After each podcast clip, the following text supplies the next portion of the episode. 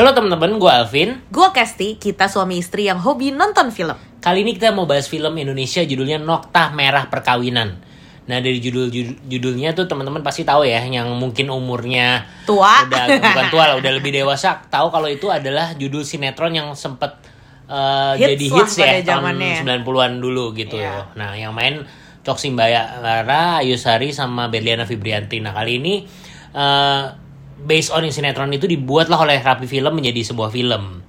Gitu ceritanya ya tentang uh, uh, sebuah keluarga dengan dua anak yang ceritanya hubungannya terganggu lah karena hadirnya orang ketiga salah satunya. Gitu. Nah mungkin gitulah premis simpelnya kayak gitu deh. Gitu menurut kamu gimana filmnya? Jadi waktu awal gue agak kurang semangat sih soalnya dulu gue tuh waktu kecil inget lah pernah nonton-nonton ini sinetronnya gitu Terus pikir aduh apa janjian kayak sinetron ya males banget kalau kayak gitu nontonnya. Tapi waktu ngeliat trailernya kok wih gambarnya cakep banget nih. Terus yang main juga Oka gue suka banget juga sama Oka. Dan juga em, Marsha Timothy udah maksudnya wah pemain-pemainnya boleh nih kayaknya. Jadi ya udahlah akhirnya ya udah putusin nonton deh. Terus Alvin kan juga udah nonton duluan tuh kemarin dan dia bilang bagus banget. Jadi oke lah kita nonton deh sekarang. Ternyata memang eh, cakep sih filmnya cakep gitu Indah, indah.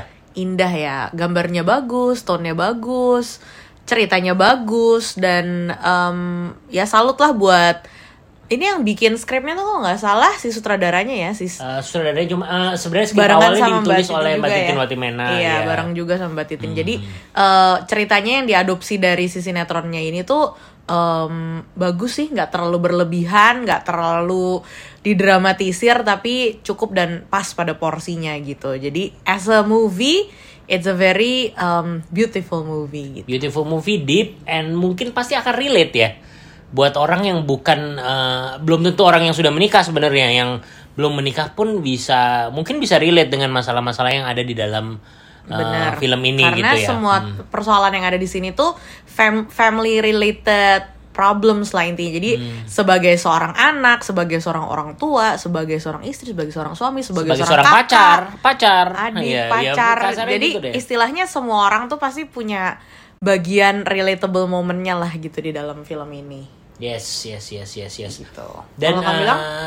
Ya gue setuju juga dengan yang Kesti bilang dan gue karena udah nonton dua kali akhirnya hari ini gue nonton lagi untuk yang kedua kali nih gue jadi lihat lebih detail lagi. Ini film tuh eh, mungkin kalau yang nggak paham ah kayak film biasa gitu. Tapi ternyata gue berarti ini orang detail banget nih, nih film ini nih. Bener. jadi gue salut banget dengan Sabrina ya dengan dia bisa mengorkestrasi semua elemen dalam film ini dengan baik gitu. Bener. Nah, kalau nggak salah di nya juga masih baru ya. Kalau nggak salah di film nih Ma- Mawan Kelana namanya kayaknya masih baru deh kayaknya gue jarang, Jarang- denger jarang juga sih denger ya jarang denger ya. kalau musiknya emang ya udah Pasti Iva Fahir udah, udah the best lah. one of the best lah kalau untuk film drama-drama gini uh, one of the best lah lah, gitu iya. cuman uh, Sabrina ini bisa mengorkestrasi filmnya itu dengan dengan sangat baik setiap elemennya mau mau arts mau kostum apa pun dan yang gue sangat kagumi di film ini banyak simbol-simbol yang mungkin mungkin kalau uh, teman-teman bukan uh, orang yang detail atau yang penggemar film banget mungkin nggak akan sadar kali ya. Cuman yang gue kagumin banyak wow ini simbol-simbolnya keren banget ya. Ada so ya misalnya air jeruk misalnya gue nggak bilang adegannya ya terus misalnya bahkan vakum cleaner otomatis tuh robot bisa jadi simbol tuh sebenarnya. Bahkan adegan dua tokoh terus ada bayangan korden hitam yang membatasi eh, dua tokoh tersebut itu juga bi- bisa kayak simbol gitu. Jadi pas gue perhatiin lagi untuk kedua kalinya nih gila nih film. Detailnya keren sih detailnya keren sih. Kamu ngeliat kayak gitu gak sih? Setuju. Jadi salah satu yang di highlight banget yang bikin film ini lain dan indah gitu adalah dari simbolis-simbolisnya gitu. Jadi dalam setiap penggambaran adegan, sang sutradara ini pinter banget nyelipin semua simbol-simbol di setiap adegannya gitu. Dan simbol simbolnya ini tuh nggak nggak terasa dibuat-buat, nggak terasa kayak dipaksakan dan itu bener-bener nature, natural dan apa ya pas lah pada posisinya dan pinter banget gitu naronya ya kayak tadi Alvin bilang. Istilahnya kayak air jeruknya aja kalau nanti ke teman-teman nonton perhatikan lah si air jeruk gitu. Jadi itu bisa menjadi apa ya ba- menceritakan banyak ada hal. filosofinya lah kasarnya ada gitu. filosofinya. Even keramiknya gitu. Jadi em, kalau teman-teman suka nih yang detail-detail suka Easter egg suka kayak gitu-gitu perhatiin deh detail-detailnya tuh menyenangkan sekali gue waktu nonton sepanjang film udah kayak wih ya ampun oh ya ampun oh ini oh itu oh ini gitu dan ya ada satu gue suka banget lah filosofi si keramiknya ini Eh, thumbs up salut banget buat Sabrina yang memakai metode itu di endingnya gitu gue nggak sebut dia takut spoiler Oke oke oke, cuman itu ini ya. Iya. Bagus lah intinya Bagus ya. lah, iya. Oke sekarang pemainnya nih. Nah, gue gue ngomong duluan nih ya. Kalau kemarin gue sempat nonton Miracle, gue bilang Vino Bastian akan menjadi gue sih jujur akan memenangkan mungkin mengharapkan dia menang aktor terbaik. Nah ini istrinya Vino nih. Gue sih sangat berharap minimal dia masuk nominasi dan kalau bisa malah mungkin mereka Vino dan Marsha nih akan jadi pasangan Juaranya. citra mungkin tahun 2022 mungkin ya kalau gue ngelihat kemarin seleksi 30 film yang masuk eh, daftar eh, Piala Citra 2022 kayaknya bisa nih Marsha Timothy sama Vino jadi pasangan citra nih kayaknya Bener, gila bener. banget Bener. layer emosinya itu banyak banget dan Marsha bisa deliver itu dengan sangat baik gitu. Menurut gue ya menurut Hmm. gue kayak gitu. Marsha Timothy bisa mendeliver itu dengan sangat baik. Dan ah keren banget sih keren banget ya. Gue tidak menutup mata juga dengan penampilan Oka Antara sama Sheila Dara ya. Tapi Hmm. Oka Antara juga bagus Sheila Dara juga bagus. Cuman Marsha Timothy ya menurut gue mencuri limelight lah. iyalah the best the best sih. Menurut kamu gimana? Sama setuju. Kalau gue menurut gue yang sangat mencuri itu penampilannya Marsha tapi chemistry dari semua pemain tokoh utamanya tuh sangat bagus juga dan uh, pas lah gitu penempatannya kalau tadi satu lagi yang mau gue mention juga sih anak yang cowok gue juga suka Oh, banget Jaden Ocean. Ya, benar benar benar. namanya Si. Jaden Ocean ya? Bagas, Bagas. iya gue suka banget tuh maksudnya Ya, dia ya, ini ya, ya, kayak setuju, setuju. em, ekspresinya yang kecil hanya lirikan mata, hanya dia menghembuskan nafas, kayak cuma nengok.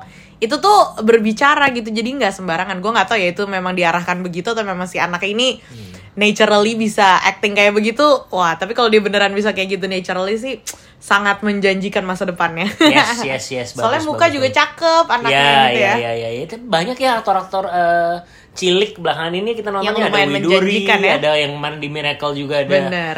Aktor Jadi ciliknya, masa depan Musaki, perfilman ya, Indonesia ya. nih terlihat Kayaknya sangat lumayan cerah ya. Lumayan cerah ya. Oke, apalagi nih yang mau dibahas?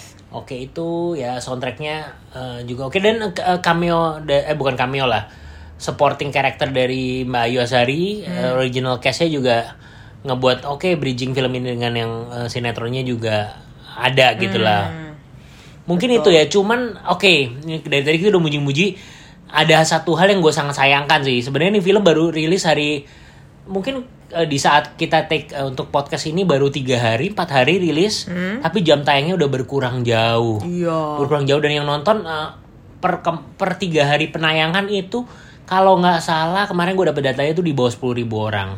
Jadi sangat disayangkan banget karena film ini mungkin salah satu yang terbaik di 2022 gitu ya tapi yang nonton sangat sedikit gitu sayang banget ya Bener ya? sih emang kayaknya tuh di di Indonesia tuh agak susah karena kan biasa rilis film tuh setiap hari Kamis nih.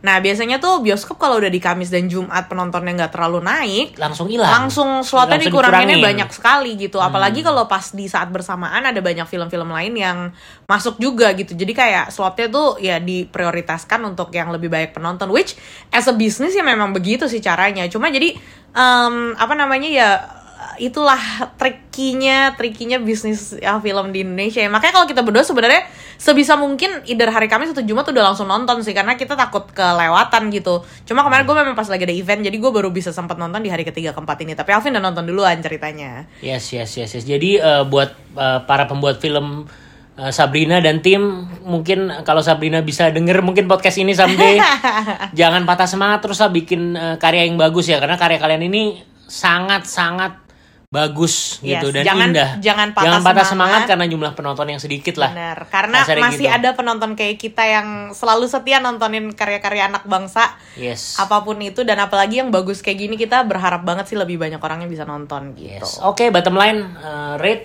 dari kita untuk film Noktah Merah Perkawinan dari kamu Aku kasih 7,7 deh. 7,7.